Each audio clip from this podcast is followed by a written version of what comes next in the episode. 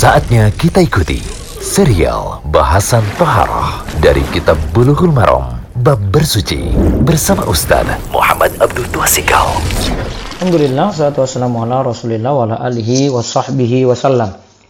Kali ini kita berada di audio ke-45 dan ini hadis pembahasan terakhir dari pembahasan pembatal wudhu.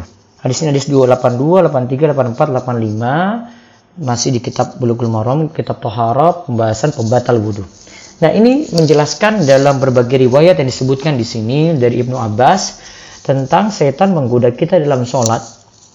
Setan tuh memberikan was-was, kentut ataukah tidak ya, kentut ataukah tidak ya. Riwayatnya sebagaimana berikut ini dari Ibnu Abbas radhiyallahu anhu, sesungguhnya Rasulullah sallallahu alaihi wasallam bersabda, "Ya'ti ahadakumus syaitanu fi salatihi fayanfukhu fi maq'adatihi fayukhayyalu ilaihi annahu ahdasa wa lam yuhdis fa idza wajada dzalika fala yansarifu hatta yasma sautan aw yajida rihan akhrajahu al-bazzar setan itu akan mendatangi seorang di antara kamu pada saat dia sholat lalu meniup pada makadati yaitu bagian bawahnya ya. Kita dapat katakan duburnya.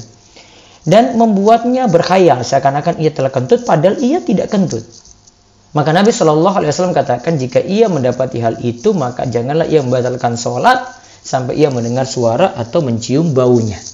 Dan hadis ini asal hadis ini dalam kitab Sahihain dari hadis Abdullah bin Zaid.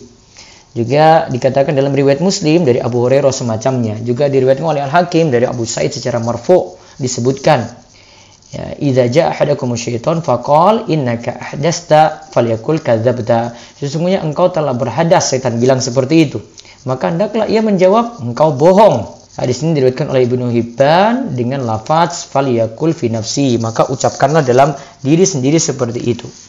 Nah, kesimpulannya hadis ini riwayat Al-Bazzar sanadnya hasan. Dan hadis ini punya asal di sahihain seperti tadi disebut juga ada riwayat hadis riwayat Muslim juga ada dalam riwayat Al Hakim juga dikeluarkan oleh Abu Dawud Tirmidzi tentang hal ini dan hadis ini Hasan li Hasan dilihat dari jalur yang lainnya dan kalau kita lihat di sini hadis ini menunjukkan bahwa orang yang dalam keadaan suci jika dia itu ragu akan wudhunya batal ataukah tidak maka kesimpulannya tadi ya kalau setan goda-goda kayak gitu kita katakan kan setan kamu bohong. Berarti kalau kita dalam keadaan ragu suci ataukah tidak padahal kita yakin kita itu suci, maka tetap dalam keadaan suci berarti. Dan kita sholat dalam keadaan suci seperti itu.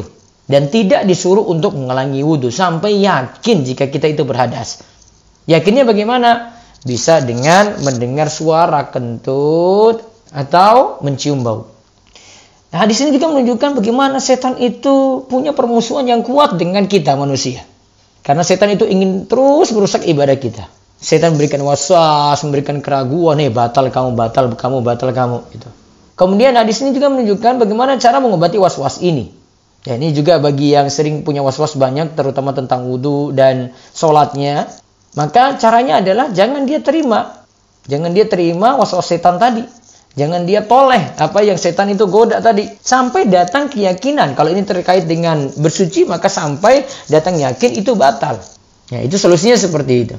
Dan hadis ini sebagai tambahan pada hadis Abu Hurairah bahwa hadis ini jadi dalil ragu-ragu ketika bersuci itu dari setan.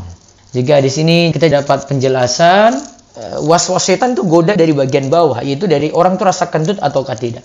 Kemudian diberikan uh, solusi dalam hadis ini, kalau setan memberikan godaan seperti itu, katakan setan itu dusta dalam hati kita.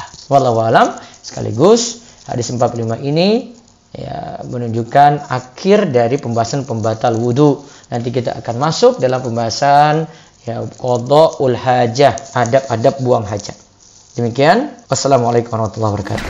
Demikian serial bahasan Toharah dari Kitab Bulughul Maram Bab Bersuci bersama Ustaz Muhammad Abdul Tuasikal.